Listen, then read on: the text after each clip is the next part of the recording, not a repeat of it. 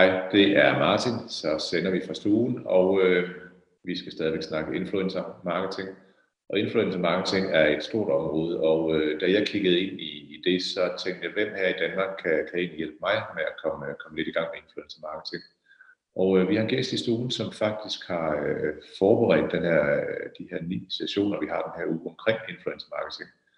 Øh, Udover det, så har han en virksomhed, som han driver med skarp hånd. Han er en gudsbenået iværksætter, og øh, så har han sådan lavet otte gode tips til, hvis du er på bar bund og skal, skal til i gang.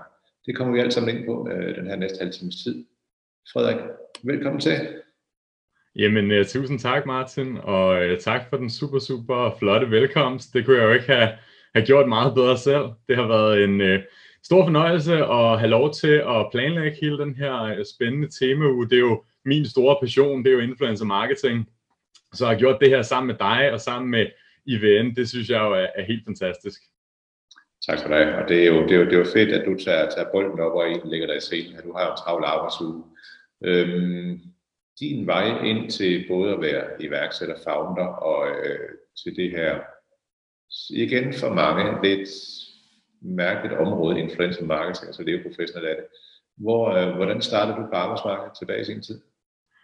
Jamen, øh, altså hvis vi skal grave helt, helt tilbage, så, øh, så kan jeg jo faktisk starte næsten før jeg blev voksen, fordi øh, da jeg startede med sådan rigtig at lære at bestille noget, der arbejdede jeg op i Hillerød, hvor jeg kommer fra, der er jeg født og opvokset, og øh, jeg arbejdede i en periode over nogle år oppe i en catering forretning. Vi lavede takeaway, vi lavede is, og vi lavede mad øh, hos noget, der hed AT Gourmet. Det eksisterer desværre ikke længere. Men øh, den gode Anders Thomsen, som øh, var min chef dengang, og som også stadig har en, en virksomhed i dag, han lærte mig at bestille noget. Altså virkelig, at man skal arbejde for at øh, opnå noget, og hele den her tilgang til at skabe sin egen virksomhed og stå med ansvaret selv. Det blev ligesom en del af på, på øh, kort tid i en ung alder, og han, øh, han lærte mig virkelig, hvordan det er at øh, arbejde hårdt og, og give den gas. Og øh, jamen, altså, så skete der jo det, at øh, tiden gik efterfølgende, og jeg arbejdede nogle forskellige jobs, blev lidt ældre, og så skulle jeg jo øh, læse, og øh, jeg læste så en, en markedsføringsøkonom, en, øh, en relativt kort uddannelse i virkeligheden inde på øh, Copenhagen Business Academy. Og øh, jeg besluttede mig sådan set for, at det var nok for mig, fordi jeg vil rigtig gerne i gang. Jeg vil gerne ud og lave noget. Jeg vil gerne ud og bruge min viden, og jeg vil gerne sætte gang i nogle ting. Så jeg sprang ud i det. Øhm, efter den her uddannelse, efter øh, to år, så, så tænkte jeg, ved du hvad, nu vil jeg ud, og så vil jeg simpelthen se, hvad jeg kan. Og øh, der havde jeg ligesom fået en, en stor interesse for det her med influencer marketing, som øh, jeg stadig jeg synes er fantastisk interessant. Og det var for, for de her, det er efterhånden en tre års tid siden, øh, der var det jo stadigvæk relativt nyt. Der var ikke så mange virksomheder, der var begyndt på det her med influencers endnu. Og der kunne jeg virkelig se, at det kunne være så spændende at lave noget markedsføring, som forbrugeren har lyst til at se på. Fordi vi kender jo alle sammen det der, det kender du Martin, det kender jeg, det kender alle dem, der ser med og lytter med. Det er jo det der med, at når man bliver eksponeret over for noget markedsføring, så er det halvdelen af det eller mere, det er noget, man skipper, fordi man bare gerne vil videre til det, man gerne, har, man gerne vil se på. Og der er influencer marketing jo helt anderledes, fordi det er ofte noget, som forbrugerne faktisk gerne vil se, og det synes jeg var super interessant. Frederik, du er jo arketypen af en, en, en, en vaskeægte iværksætter. Du snakker produkt med det samme. Jeg spurgte om, om din vej ind til det her allerede nu, så snakker du produkt. Det er rigtig, rigtig godt. Det skal vi prøve at knække lidt op i, i et par bidder. Øh, hvornår startede du virksomheden? Hvornår er vi tilbage der? Jamen det er, det er jo tilbage i januar 2018, hvor vi sådan officielt øh, skrev under på papirerne, mig og mine to partnere på det tidspunkt. Og, øh, og ligesom gik all in, og så er der selvfølgelig en planlægningsmæssig del, det kender du alt det der, hvor man skal ud og planlægge og lave hjemmeside og så videre. Men officielt januar 2018, der stod vi med en virksomhed i hænderne og var fuldtid på den. Og du er, hvad er du, øh, midt, i, midt i 20'erne? 26, ja. 26, så du er i den, du er i den bedste alder. Du er en virksomhed nu, der, der har kørt et par år, og det vil sige, at du er, du er parat til at, at storme dig ud af. Ja, lige præcis. Hvorfor du, øh, hvorfor du inspiration fra? Jamen, det gør jeg jo rigtig meget for min omverden, vil jeg sige. Altså, jeg øh, som, som en person, der interesserer sig rigtig meget for influencer marketing, der er der nok heller ikke nogen hemmeligheder, jeg selv følger med på de sociale medier, så der ser jeg jo også, hvad der sker, og bliver jo super inspireret blandt andet af Instagram og personer på Instagram, der deler spændende indhold. Så er der selvfølgelig podcasts, og så er der alle mulige former for nyhedsmedier. Jeg er sådan en, der elsker at suge til mig, som øh, ligger og læser og lytter hele tiden, nærmest indtil jeg går i seng, og så næste dag, når jeg står op og jeg begynder at gå på arbejde, så er det bare ind med noget nyt input, så jeg hele tiden kan prøve at, at lære og blive dygtigere. Det, det, det betyder rigtig meget for mig. Så det vil sige en, en markedsføringsøkonom uddannelse og så en, en learning by doing, det er, det er din opskrift. Ja, det vil jeg sige. Altså, øhm, det, det var rigtig, rigtig meget det, det handlede om. Øhm, men det skal også siges, tror jeg, at øh, da mine to partnere og jeg selv, vi startede Inmix, så vidste vi også godt, at vi kunne ikke bare storme ud og begynde at tage en masse penge for noget, som vi ikke øh, var enormt dygtige til på det tidspunkt, fordi det er det her learning by doing, vi skulle lære det først. Ikke? Så der startede vi øh, med at tilbyde vores services gratis, og simpelthen lære igennem den erfaring, hvor vi simpelthen gav kampagner og gav vores tid væk, og så blev vi dygtigere og dygtigere på den måde, indtil vi til sidst synes, okay, nu ved vi, hvad vi laver, nu er vi altså dygtige nok til at kunne tage penge for det her, og nu kan vi lave nogle rigtig gode løsninger, og så kunne vi begynde at leve af det sådan rigtigt. Ja, så der har været sådan en, en blød læringskurve for jer selv til at forme jer selv som, øh, som personer, som professionelle, men også forme jeres produkt. Hvor lang, hvor lang tid tog den periode? den vil jeg sige, den tog i hvert fald et halvt års tid, inden det var, at vi sådan var klar til at begynde at tage penge øh, for vores services. Der lå vi det sådan gradvist stige, så i starten gjorde vi det helt, helt gratis, det vi laver, og så, stille og roligt, så byggede vi det op. Øh, I starten var det super billigt, og så blev det så gradvist en smule dyrere. Øh, men jeg vil sige så meget, at jeg er glad for, at jeg havde en, en pæn opsparing, inden jeg startede, og den var også væk efter det her halve år, så, så var der ligesom ikke rigtig flere penge nede, i, nede på bankbogen der, så måtte man jo i gang med at, at tjene penge, så man kunne leve af det, ikke? Nå, men det er jo en, en, jeg er glad for, at du, øh, du faktisk fortæller åbent om den rejse her, fordi de, de, øh, en, en, en læring ud i iværksætteri med det her speciale, der hedder influencer marketing, som, som du har kastet over. Men en læring i, i iværksætteri, det er, at man skal starte et sted, og, øh, og det er jo de færreste, der kan sende en faktura den første måned. Men kunne I reelt sende en faktura efter, efter seks måneder? Det kunne vi godt, ja. Det kunne vi, og øh, det var ikke fakturer i samme størrelse, som vi, vi gør nu her selvfølgelig, men, men ja, vi havde en, en okay øh, omsætning, og vi startede selvfølgelig også med en meget lav løn, også tre founder, da vi startede det op, og så måtte vi jo stille og roligt bygge det op og begynde at få en, en øh, pænere og pænere løn med tiden, ikke? Øh, men jo, der gik ikke voldsomt lang tid, inden at vi kunne begynde at, at tage bare en lille smule betaling for vores tid, og øh, det var vi selvfølgelig rigtig glade for det var en stor sejr den dag, hvor den første faktura blev sendt. Det kan jeg godt love dig, Martin. Det, det, det er sådan lige før den hænger i ramme på, på væggen. Ja, lige præcis. Jeg kan huske, men, men, men, men så det her har du også tid for, I ligesom har, øh, hvor I prøver at sætte af tester af til højre og venstre og finder jeres forretningsmodel og jeres produkt. Øh, det er faktisk hurtigt, når man så kigger tilbage. Ja. Jamen, øh, du har. Inmix, dit firma, som hedder Inmix, Øh, hvis jeg nu skulle købe noget af jer i dag, hvad, hvad er jeres produkt? Hvad, hvad arbejder I med? Jamen, øh, altså i, i sin grundvold, så er det jo et, et mikroinfluencerbureau. Så vi har jo forskellige typer af influencer, så det er jo også noget, som nogle af de andre rigtig dygtige deltager, deltager, deltagere i den her uge har snakket om. Øhm, det her med, at der findes forskellige typer af influencers i forskellige størrelser, der kan forskellige ting. Og da vi startede Inmix helt tilbage der i 2018, jamen der, øh, der synes vi, at det var enormt spændende at lave noget med almindelige mennesker. Helt, helt almindelige mennesker, fuldstændig ligesom du og jeg, Martin, som egentlig bare har et interessant hverdagsliv, et spændende job, en sjov familie, laver et eller andet interessant i deres hverdag, som de så deler ud af, og som nogle mennesker så følger med i. Så det er altså personer, der har relativt få følgere, som har en, en, et ret lille netværk, men som altså har en, en rigtig, rigtig stærk tilknytning og en super stærk relation til de her mennesker.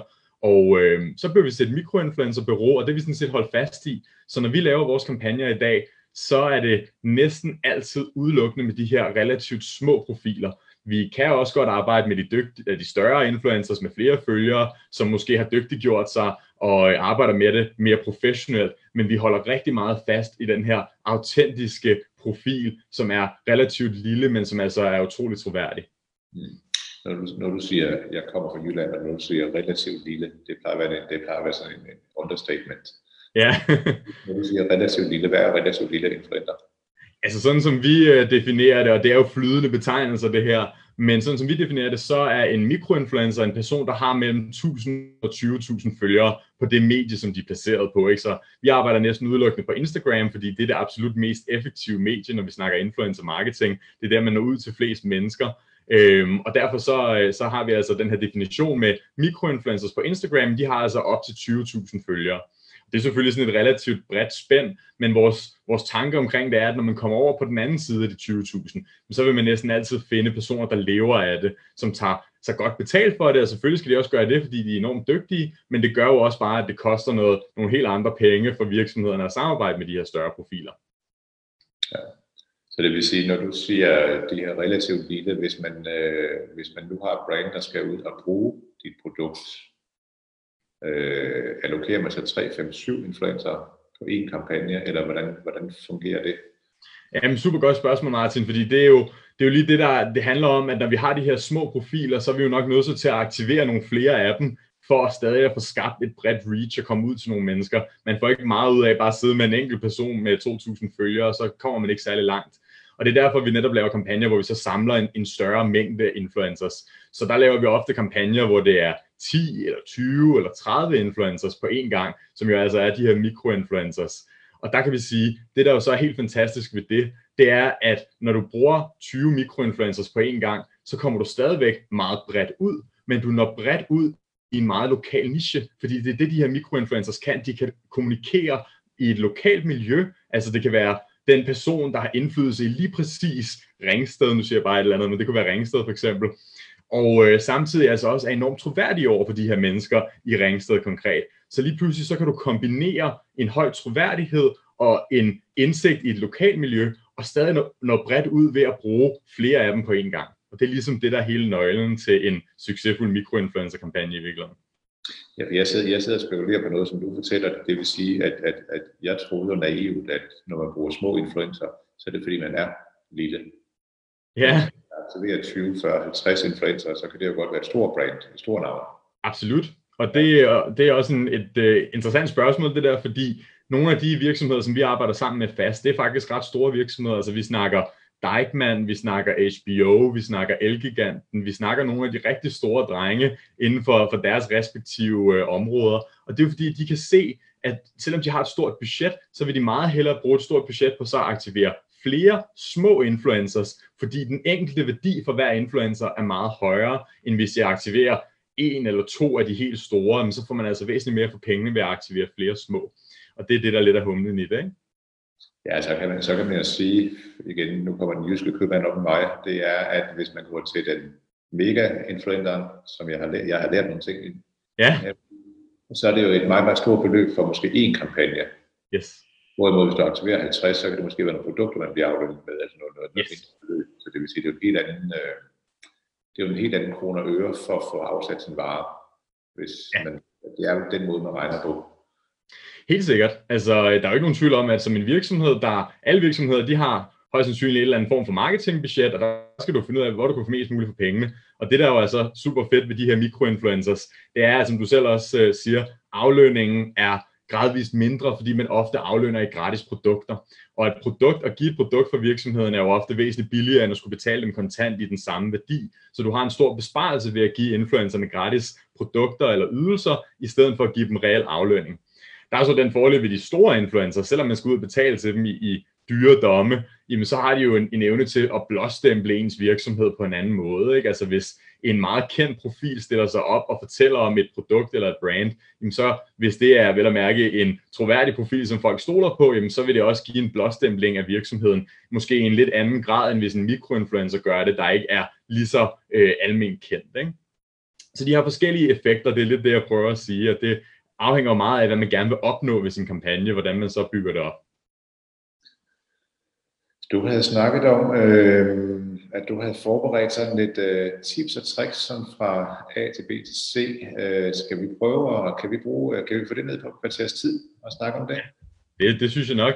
Og det er fedt, at du, du tager det op, Martin, fordi for mig at se, så handler det her jo også om at, øh, at give noget konkret til, til IVN's øh, mange medlemmer, som de kan bruge til noget i deres virksomhed. Derfor så har jeg øh, forberedt en checkliste, som simpelthen er otte punkter fra A til Z. Hvad for nogle ting skal man have styr på, sådan helt i brede linjer, for at lave en succesfuld influencer-kampagne. Så hvor skal man starte, hvordan kommer man videre, og hvordan afslutter man det? Og hvis man ligesom kan øh, nå forbi de her otte punkter, så er man i hvert fald et rigtig, rigtig godt stykke af vejen det første punkt, sådan som, øh, som jeg har defineret det, det der er rigtig vigtigt, som jeg synes, at mange øh, måske ikke husker og tænker på, inden de begynder at arbejde med influencer marketing, det er, at de skal optimere deres sociale medie. Altså, når du laver en kampagne, hvis du laver en influencer-kampagne på Instagram, så er det altså drøn vigtigt, at din virksomheds Instagram-profil er optimal, at du har lavet en profil, der er interessant og indbydende, som folk har lyst til at besøge. Fordi det, man skal tænke på, det er, at ens Instagram-profil, det er ens landing page. Så når man beder en influencer om at dele noget indhold, det kan både være en lille influencer eller en stor influencer, så vil de jo skabe noget trafik med nogle personer, der går forbi ens profil, altså ens virksomhedsprofil og besøger den. Og der er det altså ens opgave at sørge for, at den her profil, den er interessant og indbydende, sådan så de faktisk, de her følgere, der ser profilen, har lyst til at blive der. Giver det mening? Ja, fordi der, der har jeg et spørgsmål. Øh, jeg synes at selv, i Vens øh, Instagram Instagram-profil er fantastisk. Jeg har selv taget nogle billeder og lagt derind og fået andre billeder ind. Yes. Øh, når man nu selv synes, det er fantastisk, det er jo indenfra og ud. Ja. Hvordan, hvordan validerer man den profil, man har? Er der så nogle do's and don'ts på det? Ja, det er der helt klart. Øhm, først og fremmest så er det jo noget med, at du skal have en, indbyg- en indbydende biotekst. Bioteksten, det er jo den her lille om os tekst, der ligger oppe i toppen af profilen. Den skal selvfølgelig være relativt kort og interessant, og så skal man have et link i det her bio. Linket det går ind til jeres virksomheds hjemmeside, så i forhold til IVN, jamen, så vil det være link til event.dk, sådan så man faktisk kan klikke sig ind via Instagram-profilen direkte ind på ens hjemmeside. Det er der overraskende øh, mange virksomheder, der ikke får gjort, og det er bare en super smart og nem måde at skabe trafik på. Øhm, så er der sådan noget, som man skal have det, der hedder highlights, som er de her cirkelvideo, øh, der ligger lidt længere nede på profilen, som bliver sådan nogle konstante sekvenser, der ligger og fortæller om ens øh, specielle tilbud, eller de USP'er, man for eksempel har i sin virksomhed. Og så er der nok den vigtigste ting overhovedet, hele tiden spørg dig selv, er det indhold, jeg laver, er det noget, der er relevant? Giver jeg noget værdi til mine følgere ved at dele det her? Er det noget, de lærer noget af? Er det noget, de får noget ud af på en eller anden måde? Eller er det bare noget, jeg lægger op for at gøre det? De Instagram-profiler, der virkelig sådan har succes, det er nogen, der hele tiden tænker ind i, hvordan kan jeg gøre, at mine følgere har lyst til at et, følge mig, men også to, blive ved med at følge mig. Og det er det, man lige sådan skal tænke ind, så man får den her super interessante profil. Fedt. Yes. Det, var, det var hak 1. Nummer 2. Hak 2, det er så at forberede sin strategi. Så når man ligesom har sin Instagram-profil, nu kører det, man ved, nu er vi klar til at begynde at bruge influencers, så skal vi i gang med at forberede vores influencer-strategi. Og der skal man så stille sig en masse forskellige spørgsmål. Først og fremmest, jamen, hvor lang tid skal kampagnen øh, strække sig over? Hvor, hvor mange influencers skal vi benytte i den? Skal det være de her mikroinfluencers? Skal det være de større influencers? Hvad skal formålet være? Skal vi få flere følgere? Skal vi have flere salg? Skal vi skabe et større kendskab? Så hele tiden aller, aller først tænk på, hvad er det, jeg gerne vil opnå? Spørg dig selv, hvad er, hvad er hele målsætningen ved den her kampagne? Der er rigtig mange, når de begynder at arbejde med influencers, så har de ikke nogen overordnet plan. Det bliver sådan lidt, man skyder lidt i blinde, prøver lidt forskelligt osv. Det vi kan se, der virker enormt godt, det er at sætte sig ned, forberede en konkret strategi og en målsætning, og arbejde konsekvent ud fra den målsætning hele vejen igennem sit kampagneforløb. Fedt. Yes. Øhm, det næste step, altså step nummer tre, det er så at definere sine influencers, og det er lige præcis det her med, jamen, er det mikroinfluencer, er det makroinfluencer, men det går også dybere end det. Det er også, hvilke egenskaber skal influenceren have, hvad skal de være dygtige til, øhm, hvordan skal de aflønnes, altså hvordan kan vi bygge en, en måde at give dem en belønning, der faktisk er attraktiv, som både er noget, de er interesseret i at få, det kan både være produkt eller ydelse, det kan være penge, men som også er noget, der understøtter det budskab, de skal dele. Så noget af det, som vi har lært øh, på den hårde måde, vil jeg næsten sige, altså igennem vores learning by doing, som vi snakkede om, det er, at det er mega vigtigt at finde nogle influencers, der er gode til det, man gerne vil opnå. Og det, det virker måske sådan lidt øh, ukonkret, men det der, det der er hele tanken bag det, det er, at hvis man gerne vil for eksempel sælge nogle varer, det er vigtigt for alle virksomheder, ellers så er der ikke nogen penge på bordet, og så får vi ikke nogen, nogen penge i kassen. Hvis man gerne vil sælge nogle varer, så er vi nødt til at finde nogle influencers, der er gode til at fortælle, hvad fordelene ved den vare den er. Vi ser rigtig mange kampagner, hvor en influencer lægger et billede op en eller anden art, og det er et super flot billede, men der er ikke nogen interessant, indbydende, spændende tekst, der fortæller om produktet. Altså, man kan ikke bare forvente, når man lægger et flot billede op, at så vælter den med penge, fordi folk begynder at købe på baggrund af det billede. Billedet skal selvfølgelig være flot, og det skal de selvfølgelig have evner for, men de skal især også have evner for at kommunikere og fortælle, hvorfor produktet er godt, og hvorfor følgeren skal købe det. Og det er sådan nogle ting, man skal tænke ind. Altså, hvad skal mine influencers være gode til? Skal de være dygtige til at kommunikere? Skal de være dygtige til at tale på en video, hvis det er det, man beder dem om? Skal de være dygtige til at tage gode billeder? Og hele tiden vælge nogle influencers, der understøtter det, sådan så man når i mål med, med sin kampagne på grund af det. Mm. Ja. Jamen, øh, så handler det om, når du kommer efter, du har defineret din influencer, så er det tid til at lave dit kampagnebrief. Og det er altså også en, en super vigtig ting, nærmest en altafgørende ting for ens kampagnesucces.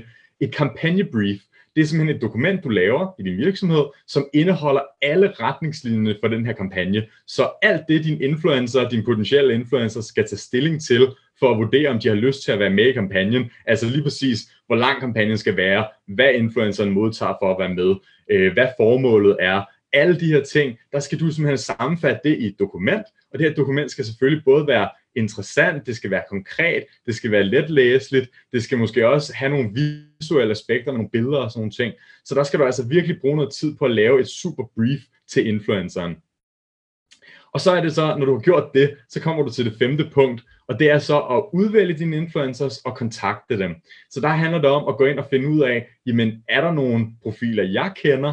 Er der nogle personer i mit netværk? Er der eventuelt nogle profiler, der allerede følger min virksomhed, eller som jeg kender og som jeg ved laver noget indhold, der er interessant for, for min virksomhed, som jeg kan kontakte. Og det er så dem, som man sender det her brief til. Så der laver man sit brief klar, og så sender man så briefet til de her potentielle influencers for så at høre dem, om øh, de er interesserede i at deltage i ens kampagne. Øhm, og der vil jeg lige tilknytte en kommentar, fordi der er en, der er en stor faldgruppe i det, vil jeg sige. Men en ting, som vi har set, at øh, mange virksomheder har øh, udfordringer med, og det er simpelthen at få influencerne til at svare. Og det er jo klart, altså hvis man skriver en e-mail ud til en, man ikke kender, som man aldrig har skrevet til før, så er der altså en stor risiko for, at den her e-mail den havner i spamfolderen. Øhm, og derfor så er det super vigtigt, når man kontakter influencerne, især på Instagram, send dem den her mail med briefet, men gå også ind og følg influenceren fra din virksomheds Instagram-profil, sådan så at du kan kontakte dem, og så skriv en besked til dem på Instagram. Altså det, der hedder en, en Instagram Direct Message, en DM. Så skriver du simpelthen en besked til influenceren om, at du har sendt dem en mail. Så skriver du, Hej Martin, super, super øh, fed profil du har. Jeg vil enormt gerne samarbejde med dig. Jeg har sendt dig en e-mail med et brief. Og så svarer du tilbage, Martin, hov, jamen, tusind tak for øh, beskeden. Den her, øh, det her brief har jeg slet ikke set. Og der går du så ind og kigger i din spamfolder, og så lægger du mærke til det. Så det er hele tiden det der med at finde ud af, hvordan vi kan få fat i influencerne, der er enormt vigtigt, fordi hvis aldrig de ser ens mail, så er det jo rigtig svært at, øh, at få en aftale på plads. Og så kommer så det næste punkt, når du så har kontaktet alle influencerne, og du har fået dem ombord på kampagnen, de har læst dit brief, og du har skrevet til dem osv., så skal du selvfølgelig facilitere kampagneforløbet, og der skal du være aktiv. Det er også en kæmpe øh, fejl, vil jeg næsten sige, som jeg ser mange virksomheder, der ikke, der ikke gør. Det handler virkelig om at være til stede undervejs. Så når det er, at ens influencers begynder at dele billeder og videoer og vise ens produkt eller ens øh, ydelse frem, så skal du være den her Instagram-profil, der er aktiv og engagerende og går ind og kommenterer og liker og er klar til at svare på spørgsmål, som viser sig som en virksomhed, der er interessant at gå op i sine kunder. Så det er super vigtigt under selve forløbet at være til stede. Selvfølgelig sørge for, at det hele det forløber, som det skal. Der skal du være til rådighed og hjælpe med at svare på spørgsmål, og være den her aktive, interessante øh, profil, der viser interesse for kunderne. Og så kommer du sådan set til step nummer syv, når kampagnen den er forløbet, og influencerne har delt, hvad de skal, så skal du gå ind og måle resultaterne, og det kan man så blandt andet gøre ved at øh, skrive ned, hvor mange visninger og hvor mange interaktioner, altså for eksempel sådan noget som likes og kommentarer, ens indhold har fået. Og hvis du har bedt influencerne om at dele et link, altså et link, øh, som de kan dele deres bio på deres profil, eller det, der hedder swipe up i story, hvor at man kan swipe op for at gå ind på et link, jamen så kan man jo gå ind via sin Google Analytics for eksempel, og måle, hvor mange der så har besøgt ens hjemmeside, hvor mange har klikket, hvor mange har købt, og hvordan øh, hele resultatfladen øh, ligesom er stykket sammen i forhold til ens kampagne. Og så kommer du faktisk til det aller sidste øh, punkt, punkt nummer 8, og det er simpelthen efterfølgende at selvfølgelig evaluere, hvordan det er gået med de her resultater, og så er det simpelthen at spørge de her influencers, de dygtigste af dem, både i forhold til, hvad for noget feedback de kan give, Altså, hvad kunne vi have gjort bedre? Hvordan kan vi udvikle vores måde at arbejde med jer, kære influencers, og blive endnu dygtigere? Og også spørge dem, har I nogle andre influencers, nogle kontakter eller nogle i jeres netværk, som I kunne anbefale til den næste kampagne? Så hvis man først får den der bold til at rulle, men man får skabt et godt forhold til nogle influencers, så kan man altså meget hurtigt få bolden til at rulle ved så at bede de her influencers om at anbefale andre profiler, fordi de kender hinanden ofte, de her personer, og øh, det betyder jo så, at man faktisk igennem dem kan få tilgang til nye deltagere i sin næste kampagne, og så kan man bygge videre på succesen på den måde. Så øh, ja. Det er jo sådan en, øh, tak for, tak for, øh, tak for den. Altså jeg kan jo rigtig godt lide sådan en proces, hvor man starter ved A, B, C. Præcis. Øhm, men det vil sige, at det er en, en snibboldeffekt, der faktisk bygger op. Øh. Helt rigtigt forstået. Det er lige præcis det, det handler om. Og det er jo det, som, øh, som også er ret vigtigt måske at få sagt, at det her det handler om, at man skal lære at bruge influencer marketing som en vedvarende ressource i ens virksomhed, fordi det er ligesom, du kan have Facebook-annoncer, du kan blive ved med at, at have kørende, eller øh, ja, Google Ads, eller hvad det er så kan du faktisk også skabe sådan et ambassadørhold, som netop er det, jeg snakker om her, med den her snibboldseffekt, som bare bliver ved med at køre med nogle dygtige personer, der kontinuerligt fortæller om ens produkter, ens måske nye lanceringer eller nye gode tilbud. Og så skal man lige pludselig ikke bruge særlig meget tid på det længere, men så har man en kæmpe, mega vigtig og super autentisk motor af folk, der kan blive ved med at kommunikere omkring ens produkter, og det er det, der er værdifuldt. Ja. Så start småt, prøv sig af, øh, kom i gang. Er det, ikke, øh, er det ikke det, jeg hører? Fuldstændig jo. Spring ud i det. Det her det er en mulighed for at markedsføre sig ret billigt, og markedsføre sig i en ret lille skala, som man meget nemt kan skalere op på. Så det er jo en super fin mulighed for at sige, jeg, jeg starter måske ud med 1, 2, 5 relativt små profiler. De får nogle gratis produkter eller nogle gratis ydelser hos mig. Det kan være, at jeg er en frisør, eller jeg har en t-shirt øh, virksomhed, en webshop, eller hvad det er og så simpelthen sige, jamen kære influencers, I må få det her, og så får de de her ting, så ser vi, hvordan det går. Forhåbentlig går det super godt, og så kan vi bygge videre på det. Ja. Og, og kan man selv bare kaste sig ud i det, og er det, er det for komplekst? Altså nej, det synes jeg jo ikke, men øh, det kræver jo også, at man bruger noget tid på det, vil jeg sige. Og sådan er det jo med mange ting, men hvis man sammenligner med hvis man skal sætte sig ind i at blive dygtig til at lave Facebook-annoncer, eller blive dygtig til at lave Google Ads eller lignende, så synes jeg absolut ikke, det er særlig komplekst. Det skal ikke være nogen hemmelighed, jeg er ikke noget øh, teknisk geni overhovedet, men hvis man gør det konsekvent, og man, man arbejder ud fra en, en formular, ligesom jeg for eksempel øh, lige har fortalt med de her otte steps, og man gør det strategisk og kontinuerligt, så kan alle gøre det, og så er det både effektivt og også samtidig ret billigt. Så kræver det sådan mere eller mindre kun ens tid og nogle gratis produkter, hvis man gør det på den rigtige måde, og det kan give enormt stor effekt. Ja, så det vil sige mange, mange små, øh, for dem lined op for startet lige så stille. Hvornår, hvornår går man så til dig? Øh, man har måske prøvet lidt med mere eller mindre succes. Det virker uoverskueligt, man kan ikke rigtig styre det, og hvor, hvor måler man her. Så der, der er rigtig mange steder, hvor man kan falde i. Hvornår, hvornår ringer man til dig, Frederik? Jamen, det gør man jo, hvis det er, at man står i situationen, som du siger, Martin, og man har prøvet det, og man synes ikke, at det var øh, en super fed oplevelse. Det kan være, at det krævede mere tid, end hvad man troede. Det kan også være, at man ikke helt fik de resultater, man havde regnet med. Og tit så, når jeg så tager en dialog med en potentiel kunde, og spørger lidt ind til, hvordan de har arbejdet med det, så kan jeg jo godt, fordi jeg har den erfaring, jeg har, så kan jeg jo godt tænke, okay, det er nok det er det her, der gik galt, eller det er det her, der gik galt. Så hvis man tager fat i os, jamen, så har man muligheden for simpelthen at få gjort det på den rigtige måde fra A til Z, og så laver vi hele forløbet til kunden, sådan så at de ikke selv skal bruge tiden og ressourcerne på at styre det selv. Fedt. Vi har en lille, lille minuts penge. Øh, branchen, hvor går den hen, Frederik? Jamen, den er jo i rivende udvikling. Altså fra år til år, der ser vi jo nu her, at influencer marketing, det kun bliver større, og der var mange, der sagde, at det potentielt var en døgnflue, det her. Det mener jeg absolut ikke, det er. Det kan godt være, at influencer marketing rykker sig fra Instagram til et andet medie. Nu er der mange, der kigger ind i det her TikTok, som jeg tror også mange har hørt om, hvor de yngre i dag, de øh, er placeret rigtig meget. Så det kan godt være, at influencer marketing bliver anderledes, og det kommer over på andre sociale medier, men jeg tror absolut ikke, at den her mund-til-mund markedsføring på den digitale måde, den er øh, på vej ud. Tværtimod så tror jeg faktisk kun, at det bliver større og mere vigtigt for alle virksomheder at have styr på, fordi det er så speciel og autentisk en måde at kommunikere med sine forbrugere og sine kunder på. Ja. Frederik, det var, det var meget lavpraktisk, meget uh, praksisnært, og øh, det kan jeg se, det har jeg behov for. Vi går selv med, øh, med tanker om, og vi er faktisk i gang øh, med sådan et ambassadørprogram. Ja. Og det er en, øh, vi kommer ret, vi er vel 20 personer ud, det kommer ret hurtigt til at blive komplekst. Vi øh, er gået tør for tid, Frederik, men, men, men du er jo en del af IVN, du er partner på IVN og andet, så altså, man kan altid få fat i dig, hvis man har nogle spørgsmål, det er korrekt. Det kan man. Endelig bare henvende jer. Skriv en mail eller skriv til mig på Facebook. Ring til mig, hvis der er et eller andet, så vil jeg meget, meget gerne hjælpe. Frederik, tak for din tid. Tak lige måde, Martin. Ja. Og tak til jer, der kiggede med. Vi ses om ikke så længe igen.